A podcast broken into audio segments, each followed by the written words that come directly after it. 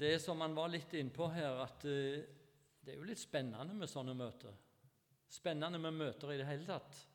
Enten det er flere i sammenheng, eller det er bare ett møte.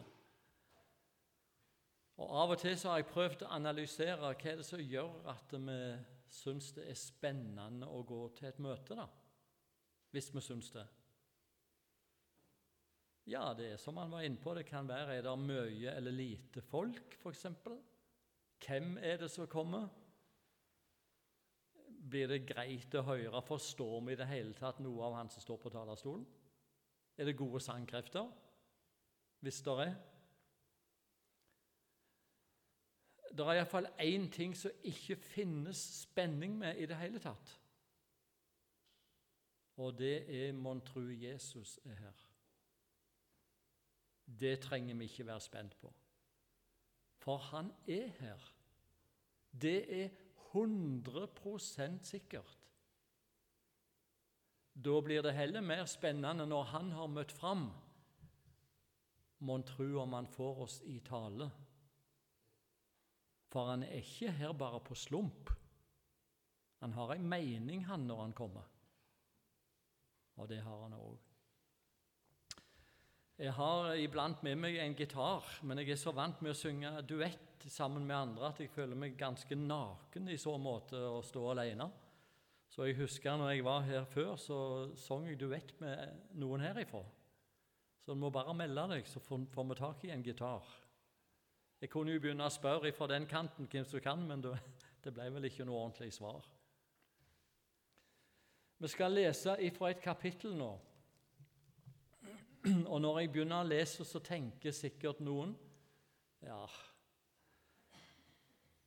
det kapitlet der har vi hørt mange preiker om, så, så, så, det kan vi.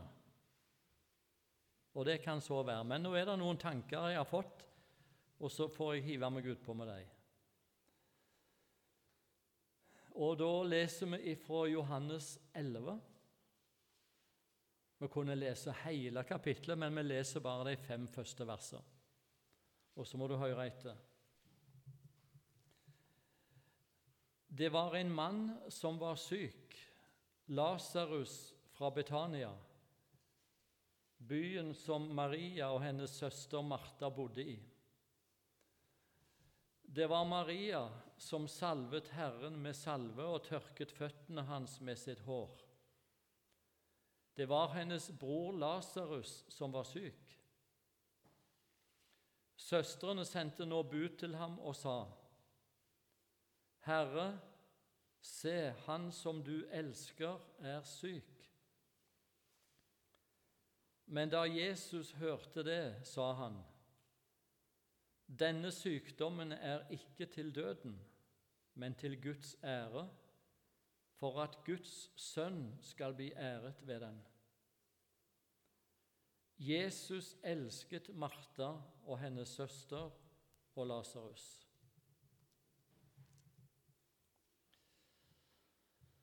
Vi treffer Jesus i møte med noen han kjente godt ifra før, i dette kapitlet. Det var tre søsken som bodde i Betania. Og regner med noen av dere har vært i Israel. Jeg har hatt noen turer der sjøl. Og vært i Betania. Det ligger liksom bak Oljeberget på høyden på andre sida nede i dumpa der.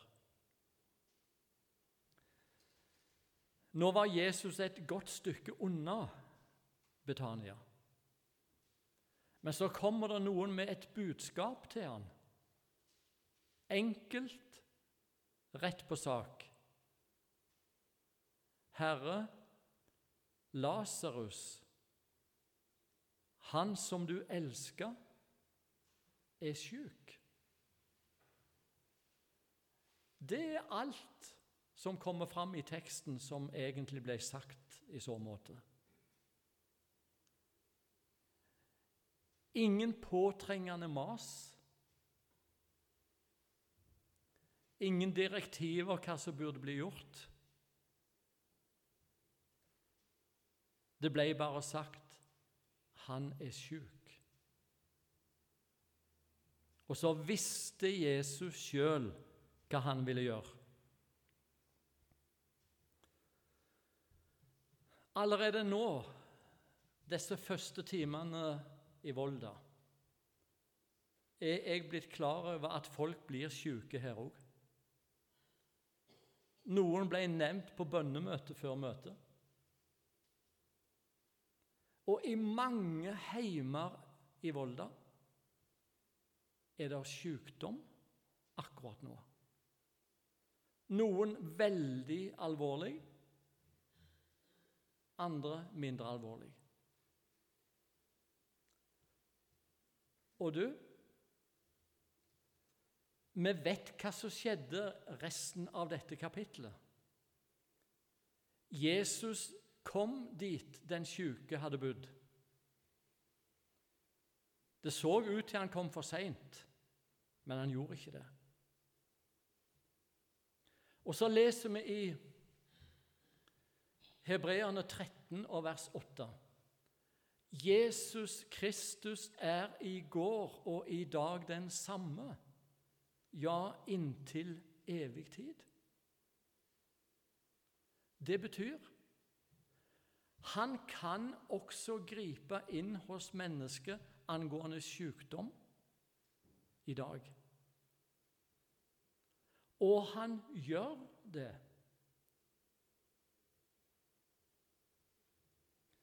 Og skal vi være tru mot særlig Det nye testamentet, så var det svært mange tilfeller der mennesket trengte seg inn på Jesus av sykdom.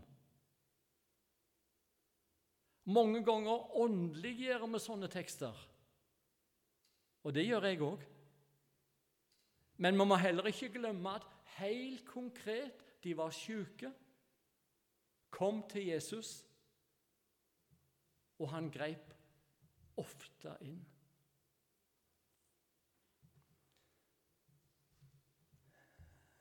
I Kristiansand, Jeg bor i Kristiansand kommune på Flekkerøya. Der er det et ektepar. Mannen er blitt nesten helt blind. Ikke ganske, men nesten. Kona har alltid vært blind. Helt blind.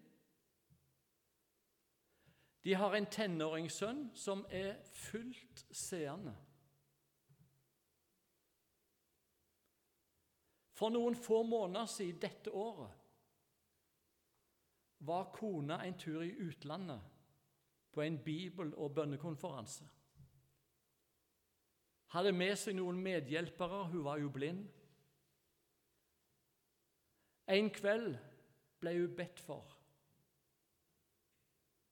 Det er ei dame i ca. 50-årsalderen. Aldri sett. Hun gikk på hotellet og la seg i senga. Neste morgen så ser hun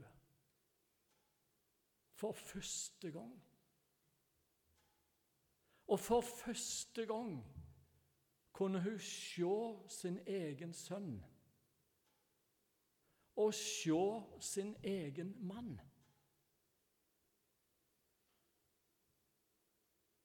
Jesus kan fortsatt gripe inn, og han gjør det. Og så er det noe i den forbindelse som jeg for min del syns vi må ta med iblant, også i våre bedehusforsamlinger. Vi gleder oss for hver gang Jesus griper inn også slik.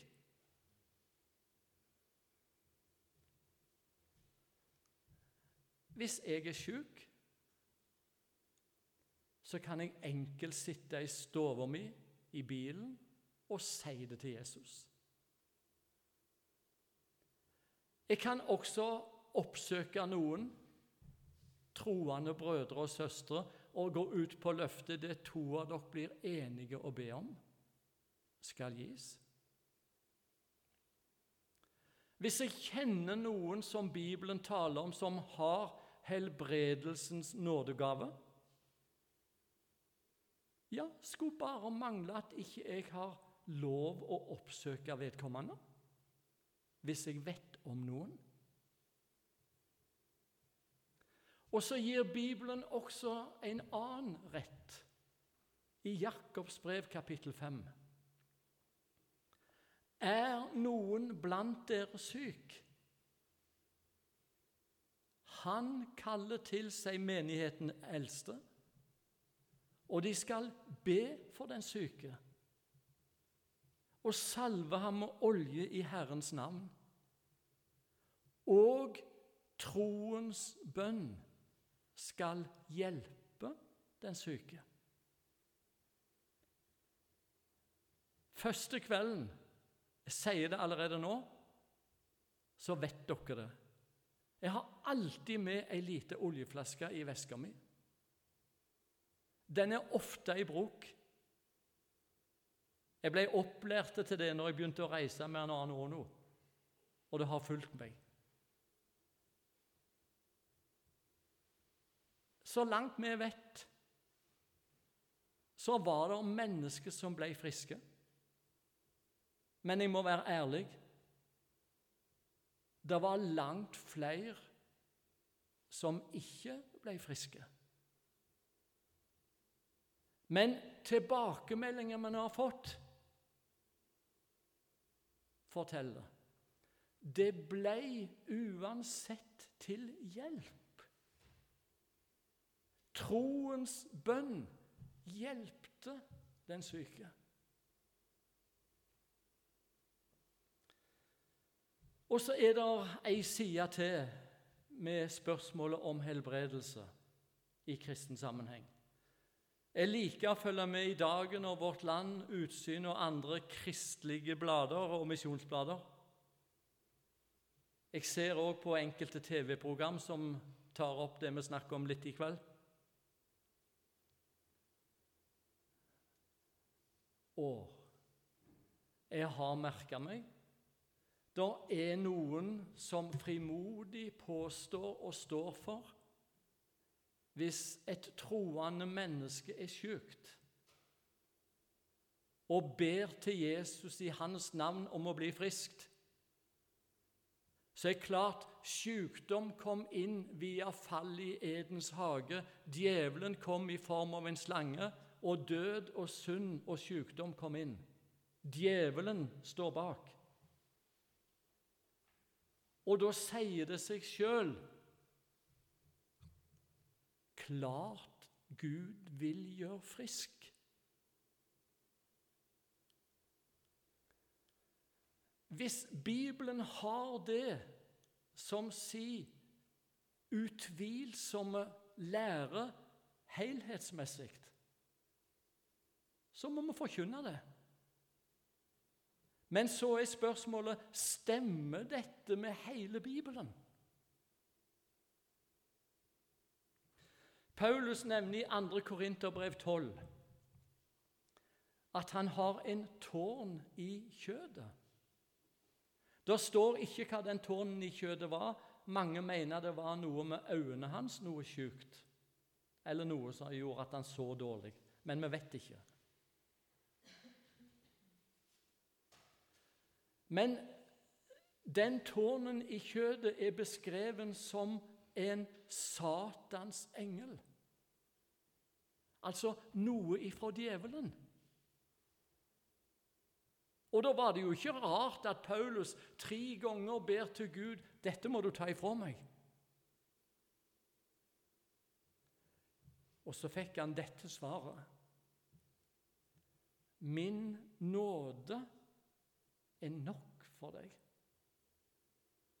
For min kraft fullendes i skrøpelighet. Så måtte den bibellæreren, evangelisten, misjonæren, han med alle de nådegavene og den åndsfylden Han måtte leve med en Satans engel. Han ble ikke helbreda for den. Så skriver også Paulus til sin unge medarbeider Timotius at han har jevnlige sykdommer. Altså, Timotius var ikke bare tilfeldig en gang influensasyk. Han var jevnt syk. Og så skriver han samtidig til den samme Timotius Du har en uskrømtet tro. Altså ei heil, ekte tro. Troen var på plass. Og likevel han var sjuk.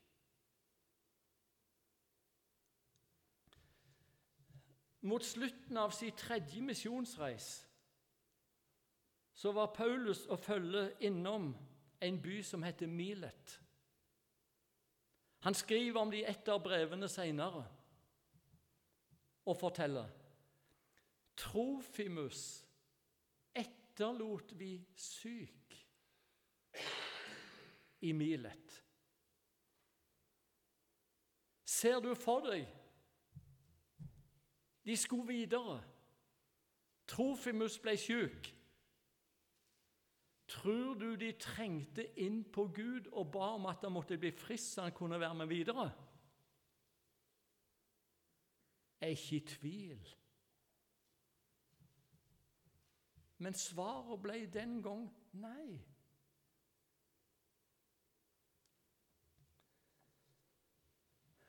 For min del så tror jeg selvsagt ut ifra Guds ord at Jesus Kristus kan. Han er fortsatt den samme. Men må ingen av oss bli større i dette spørsmålet heller enn mesteren sjøl.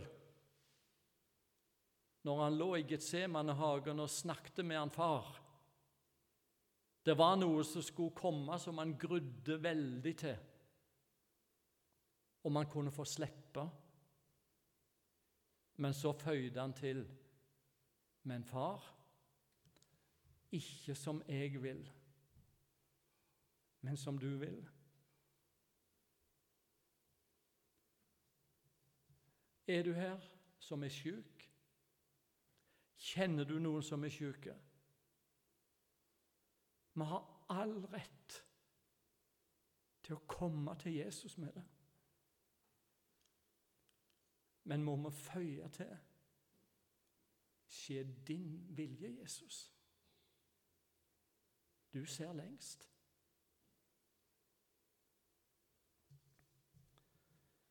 Seinere i kapittelet, da Jesus endelig bryter opp og beveger seg til Betania Som sagt, det ser ut til at han kom altfor seint.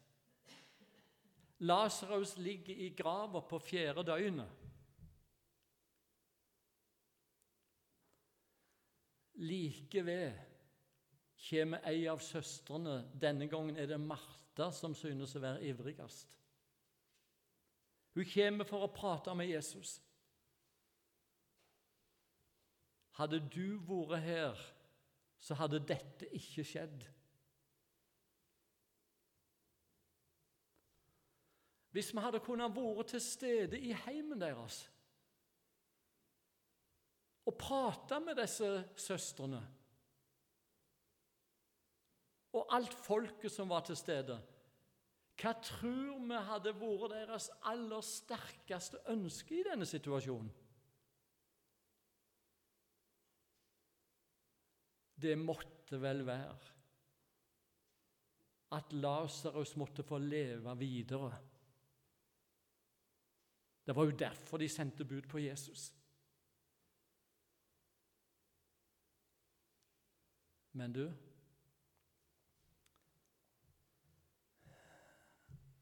Jesus vekte jo Lasarus opp igjen ifra de døde. I parentes, forresten, det måtte jo være en nedtur for Lasarus.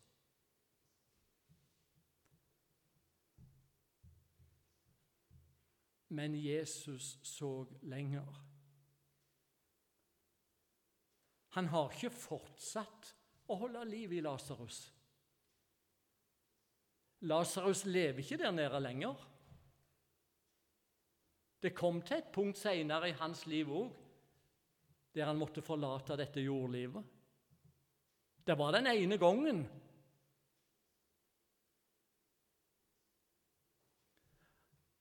Og Jesus så mer enn noen.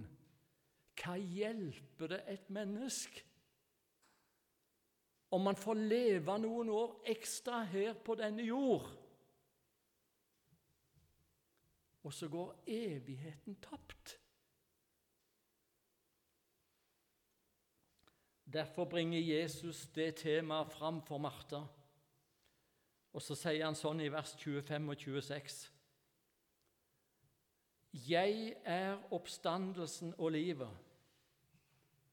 Den som tror på meg, skal leve om han enn dør. Og hver den som lever og tror på meg, skal aldri i evighet dø.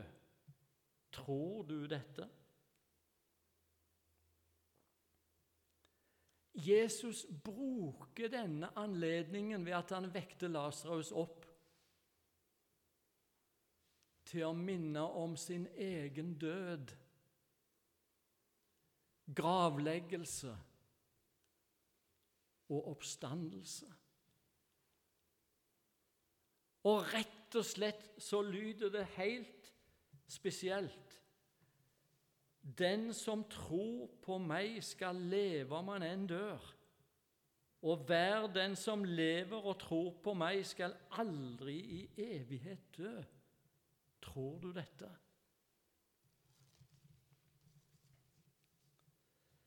I 1. Korinterbrev 15, kalt oppstandelseskapittelet, så leser vi Er ikke Kristus oppstått, da har dere en unyttig tro, og da er dere ennå i deres synder. Da er også de fortapt som er sovnet inn i Kristus. Har vi bare i dette liv satt vårt håp til Kristus, da er vi de unkverdigste av alle mennesker. Men nå er Kristus oppstått fra de døde og er blitt førstegrøden av dem som er sovnet inn. For ettersom døden kom ved et menneske, så er også de dødes oppstandelse kommet ved et menneske. For like som alle dør i Adam, slik skal også alle bli gjort levende i Kristus men hver i sin egen avdeling. Kristus er førstegrøden. Deretter skal de som hører Kristus til, bli gjort levende ved Hans komme. Hvert eneste menneske på denne jord som tror på Jesu Kristi død og oppstandelse, at han sona våre synder. Oppstandelsen var beviset for at all synd var sona. Hvert eneste menneske på jord som tror det, har et evig liv. Skal ikke dø, men leve evig. Det er andre greier enn å få noen få år ekstra. Og dessuten Det tok meg når jeg las ei dødsannonse i Feven, det er avisa vår nede på Sørlandet. Jeg er blitt så gammel at jeg prøver å følge med i dødsannonsene hver eneste avis. Og Så var det ei dødsannonse som jeg ergra meg over. Rett og slett litt småirritert, for jeg så at det det var en skrivefeil.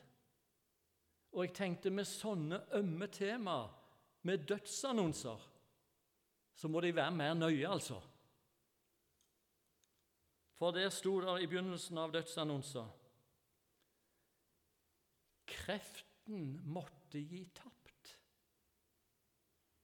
Selvsagt mangla det en E. Det skulle stått 'kreftene'. Så sto det 'kreften'. Men når jeg las resten, så fikk jeg rett og slett en klump i halsen, for det ble så godt. Det var ingen skrivefeil. Der sto Kreften måtte gi tapt. Hun er nå helbredet for evig. Det fins ingen grunn til mismot. Det fins ingen grunn til frykt for døden for oss som på Kristus tror. Alltid det beste igjen.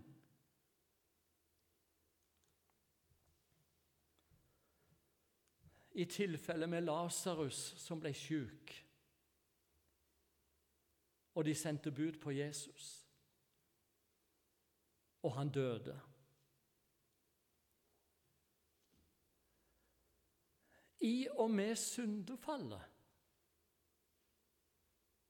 så er hvert eneste naturlige menneske i et dødt forhold til Gud. Det står i Efeserbrevet 2 vi er døde i våre overtredelser og synder. Og et dødt menneske, åndelig sett, har ikke nubbekjangs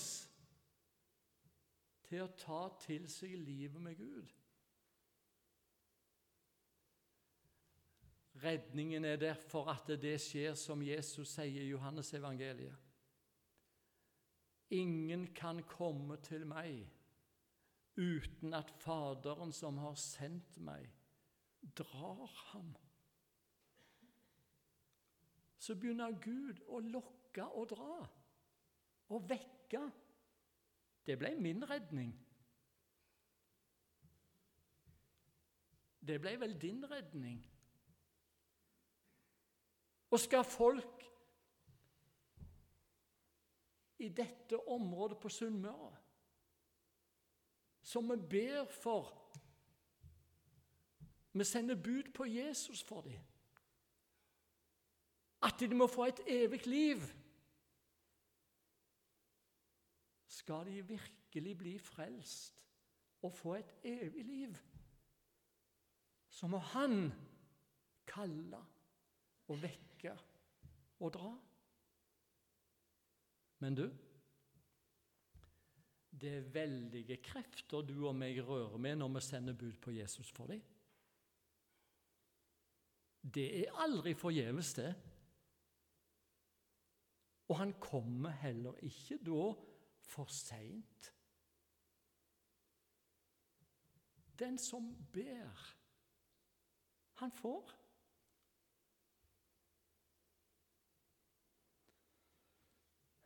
For min del så har jeg vært et bønnebarn siden jeg ble født. Mine foreldre ba nok ikke for meg på den måten, for de var ikke kristne i våre første år i oppveksten. Men jeg har hatt besteforeldre, både på mor og fars side. Så jeg vet og jeg husker, når jeg var med andagsstundene med dem, hvordan de inderlig ba til Jesus at familien deres, mine foreldre og oss søsken måtte bli frelst. De sendte bud på Jesus. Mine foreldre ble frelst i begravelsen til farmor. Så har jeg to søstre. De overgav seg til Gud bare noen uker etterpå. Og så kom jeg halvannet år etterpå der. Hele heimen vår ble ny. Jeg var da ca. 18. Hvorfor kunne det skje? Jeg er ikke i tvil. Det var noen som trufast sendte bud på Jesus.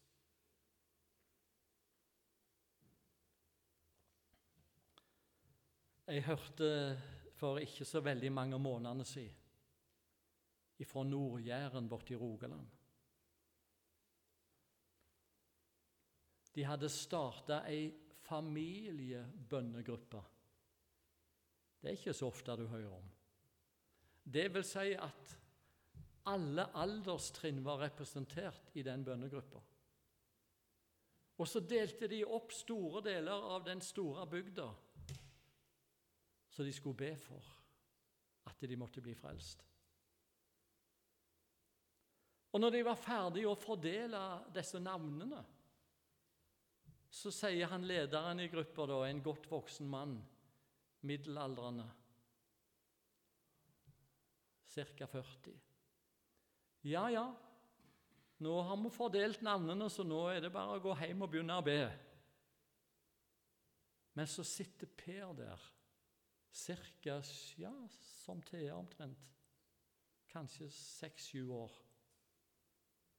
Og så kikker han opp på sin far, som var lederen i gruppa. Ja, ja, de sier jo far der, og ikke pappa, da. Ja, men far Jeg har ikke fått noen jeg skal be for. Å nei, nei, sier han. Men du, Per, du kan be for han Oskar. Ja, det ville han. Han skulle be for Oskar. Oskar, alle kjente han. Alt hadde mislykkes for han. Ekteskap var gått i stykker. Alkoholen var det meste i hans liv. Det var ingen hemmelighet. De så han aldri i noen kristelige sammenheng. Han bodde 200-300 meter nede i veien der Per og familien bodde. Så begynte Per å be for han. Og det er helt sant. De som sa det til meg, de lyver ikke, altså. Så sier de før det var gått ei uke, så står Per og ringer på døra til Oskar. Og han åpna. Neimen, de kjente jo til han, for det var jo i nabolaget. Er det du, Per? Kom inn. Ja, ja hva er det du vil i dag, da, Per? Nei, du ser det, Oskar. Vi har starta ei bønnegruppe. Og vet du hva, Oskar? Jeg ber for deg jeg, at, at, at, du skal bli frelst. Gjør du det? Og så ville du komme på besøk til meg i dag. Ja, jeg ville komme og se om det var begynt å virke. jeg begynner å se om det har begynt å virke. Vi kan ikke bli barnlige nok og tillitsfulle nok til Jesus i dette. Mange av de som de begynte å be for, har overgitt seg til Gud. Hvem tror du var den første? Jo, helt rett. Det var Oskar. Den som ber, den som sender bud på Jesus, han får. Og så er det noen her i Volda. Du har noen. Jeg har noen i familien min, blant naboene mine på Flekkerøya. De synes ikke å ha interesse for det som har med Guds rike å gjøre. Håpet og den store trøsten er at jeg får snakke med Jesus og sende bud på han. Og så vet han sjøl hvordan han vil gjøre det. Og så kom han aldri for seint. Vi ville sett fruktene mens vi lever her. Det er ikke det viktigste. Det viktigste er at vi treffes der hjemme. Nå er jeg litt ute i fantasien, altså, men kan hende det blir noe sånn forunderlige øyeblikk. Hva? Er du her, du òg, da? ja, hvem vet.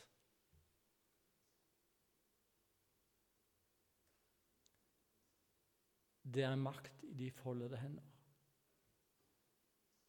I seg selv er de svake og små. Men mot allmaktens Gud, du den venner, om svaret drøyer, det fram dog skal nå. For nå ber vi ikke i våre egne navn.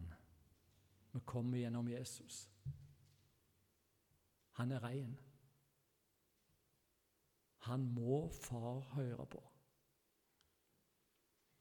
Kjære Jesus. Takk at du er fortsatt den samme. Takk at det nytter å sende bud på deg. Og takk, Jesus, at du har gitt oss så mange løfter. Så må du tilgi oss at vi tviler så ofte på dem, og så sjelden går ut på dem.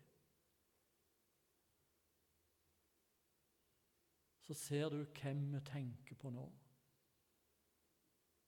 I familien, blant venner og blant naboer.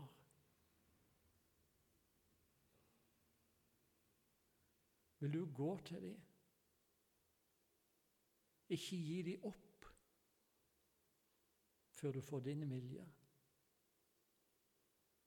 Og vil du være med oss i vår hverdag når vi treffer dem?